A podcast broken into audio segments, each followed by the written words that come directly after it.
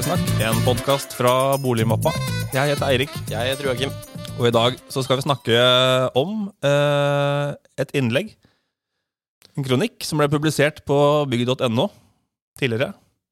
Du sendte meg noe på LinkedIn, Joakim. Ja, eh, leste en eh, kronikk eh, som tok for seg likestilling eh, i byggebransjen. Og den var veldig godt skrevet. Eh, og rett etterpå så gikk den som ild i tørt eh, gress. Og dette er jo et veldig interessant tema som dukker opp fra tid til annen. som får enorme konsekvenser. Så for dette jo, det blir spennende å følge utviklingen nå, da, om man faktisk får til en endring. Ikke sant? Det handler om kvinner i byggebransjen. Ja. Vi, det er en problemstilling vi eh, ser blir tatt opp gang på gang. Man har f.eks. Ingeborg-nettverket Ja. for rørleggerne. Eh, det gjelder mange bransjer. Kvinneandelen er lav. Og innlegget fra dette innlegget viser jo at det i tillegg ikke alltid er like lett å være kvinne. Definitivt ikke. Og jeg har jo vært på en del samlinger med byggebransjen selv, og du, du kan, jo, kan jo plukke ut antall kvinner på én hånd, mens du kan plukke ut antall hvite menn over 40 på ja, et lasteskip. Så det er jo kanskje sunt at det blir en endring. Vi går rett på sak, vi. Hei, Hege Auråen. Eh, velkommen til Boligsnakk. Tusen takk. Du skrev eh, kronikken 'Byggebransjen er ikke attraktiv for kvinner'. Ja, Det gjorde jeg. Hvorfor gjorde du det? Det er um, Jeg er jo en person som eh, blir veldig engasjert, og jeg har jobbet i bransjen i snart fem år. Og eh, akkurat det temaet jeg tar opp, har jeg jo kjent på kroppen på litt forskjellige måter i de fem årene. Og eh, når jeg blir engasjert eller frustrert over noe, så, så skriver jeg det ned. Og det gjorde jeg nå for eh, ja, rundt tre-fire uker siden. Hvor jeg da ble veldig frustrert over noe. Så da satte jeg meg ned og begynte å skrive litt. Og jeg har en venninne som um, sa til meg at da må du bare få det til en kronikk, for det her har du snakket med meg om så, så lenge. Så da, da begynte jeg på en kronikk, og um, da er jeg en sånn person som liker veldig godt tall. Så jeg begynte å lese meg litt opp på tallene og andel kvinner i bransjen. Da kom jeg over BDO sin rapport eh, om bygg- og anleggsbransjen for 2021, og da er det mange røde flagg som dukker opp når man leser om hvor mange kvinner som faktisk er i bransjen vår. Så da tenkte jeg at eh, nå, nå må vi få det på agendaen igjen. Nettopp. Følte du underveis når du skrev at nå, dette er bra? Uh. Ja, det, jeg føler jo det. Uh, Men jeg føler også når jeg leser, uh, leser meg opp på temaet også om andre kvinner som skriver om det, så skriver også de veldig mye bra. Um, Jeg var jo oppriktig litt sånn redd for at kanskje det her er bare mine følelser. Uh, Man er jo litt sånn Man blir jo litt spent når man skriver om det og skriver om personlige erfaringer. eh, Om hvordan det blir håndtert og taklet av, av måte, bransjen. Det, jeg er jo ikke gammel i bransjen. Jeg er jo som sagt fem år på baken. Det, jeg har et langt liv igjen i bransjen, så det å stikke hodet frem nå, det, det er jo skummelt og gøy samtidig. For da, som du sier, fem år i, i bygg- og anleggsbransjen. Ja. Eh, hvor jobber du i dag? Eh, Jeg jobber i AF-gruppen som AF-gruppen. prosjekteringsleder. Prosjekteringsleder. Hva, hva, hva vil det si? Eh, Det vil si at eh, jeg har ansvar for rådgiverne i prosjektet og komme med de gode løsningene sammen. Eh, Spørs hvor man er i, i, i byggeprosjektet. Men rett og slett at de prosjekterende tegner det som skal bygges. Og at det, det som bygges, blir etter da byggherren sine, sine krav og forventninger. Det er jo litt interessant det du sier, at å stikke seg frem. Fordi eh, det er jo eh, tøft det du gjør. Man blir jo ansett som en litt sånn Det er nesten litt på lik linje med varsler. Eh, For det kan jo gå begge veier i en sånn kronikk. Enten så kan det bli tatt positivt, eller så kan det bli uglesett. Ja. Hadde du det i bakhodet? Jeg hadde jo det, eh, og eh, jeg snakket med, det var flere jeg snakket med, med når jeg skrev kronikken og før den ble publisert. Hvor det var mange som spurte sånn, men hva, hva tenker du på en måte konsekvensen for deg? Eh, Men så tenker jeg at dette er et såpass viktig tema, og jeg kjenner at eh, jeg er egentlig ikke redd når eh, jeg tenker tanken at den kommer ut. Jeg er mer spent. Og hvis jeg får noen reaksjoner på, som er negative, så har egentlig ikke jeg så veldig lyst til å jobbe med de i fremtiden uansett. Så hvis det er et problem for noen, så tenker jeg at da får det være deres problem. Ja, god tanke. Ja. Hvordan, hva slags reaksjoner kom da? Eh, bare, bare positive, for å være helt ærlig. Ja. Det er positive i den forstand at de, de ser seg enig i mye av det jeg skriver. Og mange ønsker å ta, ta utfordringen som jeg gir til ledere. Eh, og eh, de ønsker å, å ja, brette opp ermene og, og, begynne på, på denne reisen, hvis man kan kalle det det. Så mye støtte fra de rundt meg, både personlig og på jobb. Og ja, og så er det veldig kult å bli invitert hit i dag. Det er jo absolutt en reaksjon på, på, på det. Um, som er med på å sette ord på dette videre også. Det syns jeg er veldig kult å spre det ytterligere enn den kronikken. For det er jo to uker siden nå, og det er fortsatt folk som leser den. Men uh, ikke like mange som den første, første uken. Men uh, det, det, er litt det med å holde fokuset på det videre. Uh, annet enn den der, kanskje det sjokket man får når man leser det første gang. Så blir man sånn Shit, dette, dette må vi gjøre noe med. Og så kommer jula, og så nyåret, og da har man andre ting å tenke på. Var det ingen negative tilbakemeldinger? For det er jo alltid én mann på Hitra som sitter her og Hva med mannen, da? Hva med mannen? Ja, det var vel Altså, jeg følte det var, ikke, det var ikke negativt, men det var en som eh, Da også hvit mann eh, som kommenterte at uh, han så Han hadde hatt mye intervjuer med kvinner i bransjen, og det var ikke hans inntrykk. Uh, og det er jo helt lov å ha sitt eget inntrykk av det. Uh, men igjen så sitter jo jeg da med de 99,9% andre som ser seg helt enig i, i, mine observasjoner og opplevelser i bransjen. Så det er jo, ja, alle har forskjellige opplevelser. Det er jo litt dette med at man er mange individer som sammen skal tenke fremover. Og da er det noen som har andre tanker, og det er helt lov.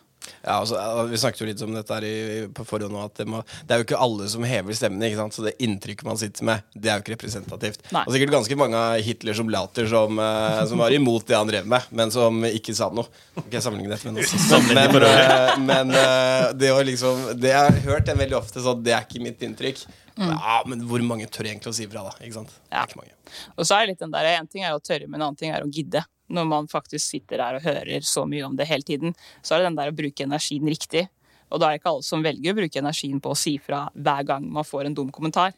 Men sånn, så blir det det at akkumulert for meg i hvert fall, og mange av eh, mine kvinnelige kolleger, så renner det over på tidspunkt. Og det kan være på en sånn utrolig flåsete kommentar.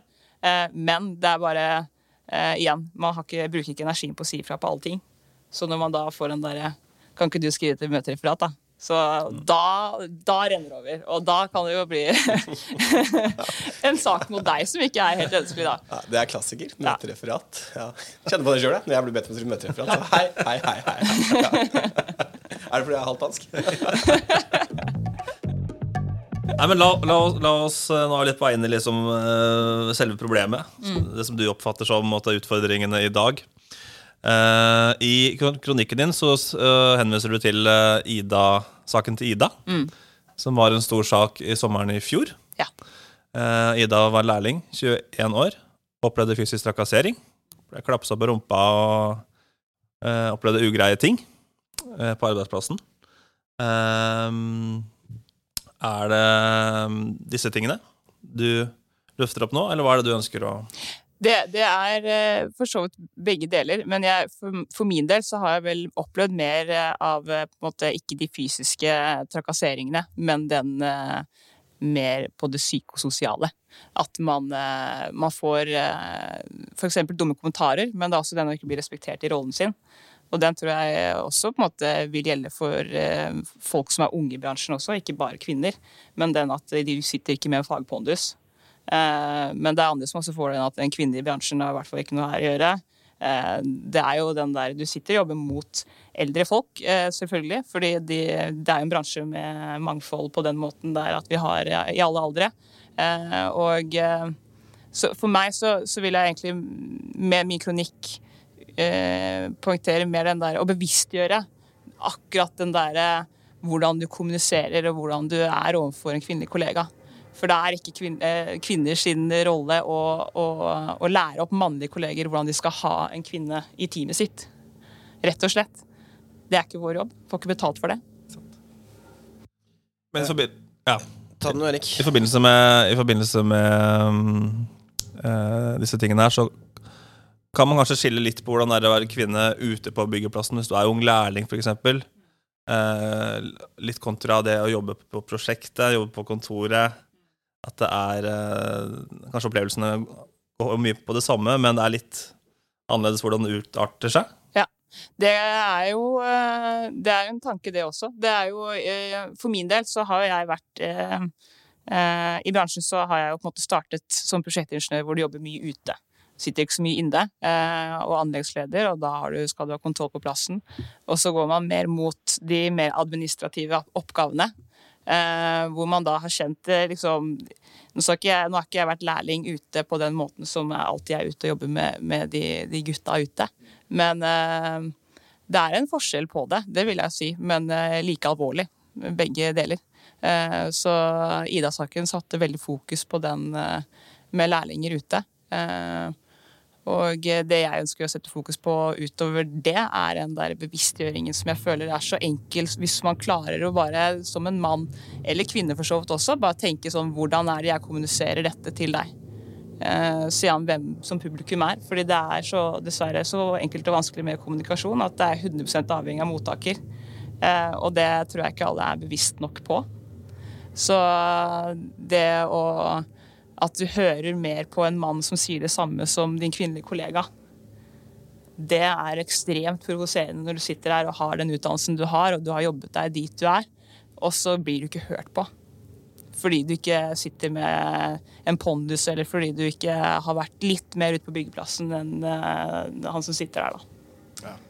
Nå skrev du jo en kronikk. Har du, uh, jeg regner med at du kanskje har prøvd å ta opp dette på arbeidsplassen? eller ja. i de situasjonene. Mm. Og da har du opplevd å ikke bli hørt? Um, nei, det, jeg opplever jo å bli hørt. Um, men det er noe med den uh, å gjøre det til en handling. Um, man ønsker å gjøre noe med problemet.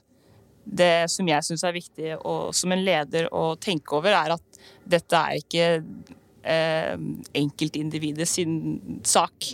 Det, det, er et problem som da ser på det store bildet. Hvorfor kommer jeg og sier ifra om det? Er det fordi at det gjelder meg som person, eller er det faktisk en kultur her som man må ta tak i? Eh, og jeg mener jo at det er sistnevnte. Eh, fordi at vi vi, eh, det er ikke bare jeg som opplever dette. Litt reft dette med de tilbakemeldingene jeg har fått. Og da må man jobbe med kultur, men det er også kjempevanskelig. Det er enklere å håndtere den enkelte sak enn det store bildet. Mm. Tror du byggebransjen er ekstrem eller, på dette området? Nettopp fordi at det er litt sånn machokultur ute på byggeplassen. Mye menn mannsdominert? Mm, ja og nei. Jeg føler eh, Se på IT-bransjen nå, f.eks. Mm. Der er det veldig, veldig vind igjen nå. For det var en som hadde en litt dum uttalelse på, på, kjønn og eh, hvem som måtte passe best til å gjøre hva innenfor utvikling. Så, så det er jo eh, ikke bare i vår bransje, men jeg kan bare snakke på vegne av den bransjen jeg er i. og så er jo dette et problem som ikke er spesielt og unikt for vår bransje. Men sånn som den BDO-rapporten viser, vi er dårligst på det. Andre har kommet seg litt lenger i løypa. Ehm, det må vi ta lærdom av og, og se til andre bransjer og, og, begynne på den veien, rett og slett. For den BDO-rapporten du seg til, den sier jo bl.a. at uh, antall kvinnelige daglige ledere er på 6% Ikke spesielt høyt. Og kvinnelige styremedlemmer på 4,4. Det er ganske flaut. Mm. Hva tenker du må til for uh, liksom, Nå har vi snakka litt om uh, utfordringene ja. uh, som du har opplevd i din bransje. Ja. Hva tenker du måtte, er løsningen for Eller hva hvor skal vi starte? Hvor skal vi starte? Ja. Det er jo et veldig godt spørsmål, og et vanskelig spørsmål. Jeg tenker jo at Jeg leste en um, artikkel i Jernbanemagasinet, hvor hun HR-direktøren der som heter Ann-Kristin Gussiås. Jeg vet ikke om jeg sier det etternavnet hennes riktig. Men, eh, og hun sa en veldig fin ting som jeg syns er viktig. Det er det å, å synliggjøre kvinner i bransjen. Eh, skape gode rollemodeller. På ikke nødvendigvis på, på ledernivå, som er sånn det høyeste, men i alle ledd. Eh, fordi det den rapporten også viser, er jo at det har aldri vært flere som søker seg til vår bransje nå. Mm. De har jo begynt på den Jeg vil, jeg vil inn i den bransjen, og det skjønner jeg, for det er en kjempekul bransje. Men når de kommer inn i bransjen vår, hvem er det de skal se opp til av kvinner? Og er de kvinnene der? Eh, så det er litt den der med å, å Altså, kvinner gir flere kvinner. Det tror jeg. Og, og da må de kvinnene være igjen i bransjen for at det skal komme flere kvinner til oss. Og det er et spørsmål som ledere må stille seg. Hvordan skal vi nummer én, beholde de vi har? Og da tror jeg vi er litt enklere på veien til neste. Altså hvordan skal vi få inn flere? Men det må være attraktivt, og det er det ikke i dag. Fordi du må stå i en kultur som um, som regel er kjempekul, og du blir utvikles hele veien. personlig opplever jeg det selv. Det er derfor jeg er her um, er i bransjen. Men uh, det kommer til et punkt hvor man ikke man revurderer veldig. Når man må stå i det litt for mye.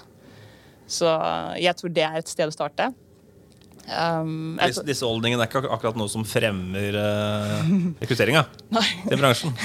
på ingen måte. Uh, så tror jeg det også er veldig viktig at um, den kommer fra på en måte ledere og ned. Uh, men da også ledere i alle ledd. Men at uh, man er tydelig i, i, i ledelsen sin, og også viser det man sier. For det er veldig mange, og det legger jeg merke til på alle de kommentarene jeg får også. Alle, alle tar til ordet og skriver og deler, og det er kjempekult. fordi det virker som at alle er ensforent om at dette er et problem i bransjen. Eh, de er bevisst på det. Men vi sitter jo fortsatt og ser på tall som er røde. Det går nedover fra 2016 med antall kvinner. Det går ikke oppover. Men alle er bevisst, og alle vet at det er et problem. Og da ber jeg sånn, hvorfor gjør dere ikke noe med det? Og det er akkurat det en understrek på å gjøre noe, rett og slett. Så ja, og det der syns jeg er interessant, fordi tema er jo ikke nytt. Uh, og jeg, jeg, ser jo det uh, etter at du la ut denne artikkelen, eller kronikken, så på LinkedIn så er det ekstremt mange uh, menn i store posisjoner i store stillinger som deler artikkelen din og nærmest liksom glorifiserer den. Veldig sånn bevisst på hos oss, så gjør vi ikke sånn, og vi er veldig flinke. Og det er jo bra, for da er det bevisste på det. men Samtidig så opplever jeg at det blir en liten sånn uh, Man skal passe seg litt for å bruke en slik kronikk for å fremme liksom egen, eget firma. Altså det å gjøre noe med det. Når, når skal det skje, da? Vi teller liksom 2022 snart. Mm. Uh, og de tallene er skremmende. De er det. Så jeg er jo veldig glad for at de deler. Um, og, det, det, er jo mange som har tatt måte, personlig kontakt med meg også, og det setter jeg stor pris på. Og de, de backer meg og er sånn Det er kult at du, du, du, står, du står frem om dette. Um, så de har jo gjort første steg, og det er jo å skrive om det og dele det. Og så er det steg nummer to er faktisk å gjøre noe med det. Og det er jeg veldig spent på å se, for det er veldig mange som sier at dette skal vi gjøre noe med. Men uh, det gjenstår å se hva som blir gjort. Hva har du gjort i AF-gruppen da, etter, eh, etter dette? Eh, det er et godt spørsmål. Nei, jeg har jo fått eh, litt telefoner og eh, samtaler med, med, litt forskjellige ledere. Og hvor jeg er blitt invitert til å ta en prat med, med sjefen sjøl. Så det gleder jeg meg jo veldig til, og det blir spennende. Så får vi jo se hva det blir ut av det. Det har jo vært fokus på økt kvinneandel hos oss veldig lenge. Ja.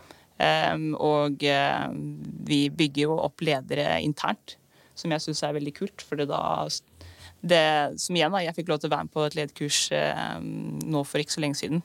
Og eh, hvor man skal på en måte, bygge på disse kjerneverdiene. En ting er de som måte, bedriften har, men man har sine egne. Og når man er bevisst over det, mm. sånn som for min del, så er en stor kjerneverdi respekt. Og det er jo da også da, er, da respekterer jeg deg for den du er. Og jeg gir deg tillit for at jeg, jeg tenker at du klarer å gjøre den jobben veldig fint. Og klarer man å på en måte dyrke de, de kjerneverdiene sine, så, så, så, føler jeg jo at man kanskje eh, blir en leder så hvor man, det går ikke på bekostning av det ene eller det andre. Da. Det er eh, en tydelig lederstil. Det er kjempeviktig. Um, og eh, Så jeg, jeg trives veldig godt der jeg jobber. Absolutt. Og det er kult å bli invitert til å prate med selveste sjefen selv. Eh, fordi, ja Det hadde ikke skjedd hvis jeg ikke hadde stikket ut hodet mitt. Du nevner jo i eh, kronikken nå en hendelse med Daniel Sirai, sjefen i Obos, hvor mm. han er veldig bevisst på i det han skriver nå, at han skriver at det er kvinnelig. Med liksom trykk på at det er en kvinnelig leder. Ja. Var det det som eh, Var det liksom med på å få litt I artikkelen så opplever jeg at eh, det var litt sånn dråpen som fikk begeret til å renne over. Det det, det, er jo, det er jo med på det. Igjen akkumulert uh, gjennom opplevelser man har i bransjen både det man leser og det man opplever, så, så vil jeg jo si at det var veldig med på å, å gjøre meg enda mer engasjert. Så, så, det Ja. Det gjorde det. Kult.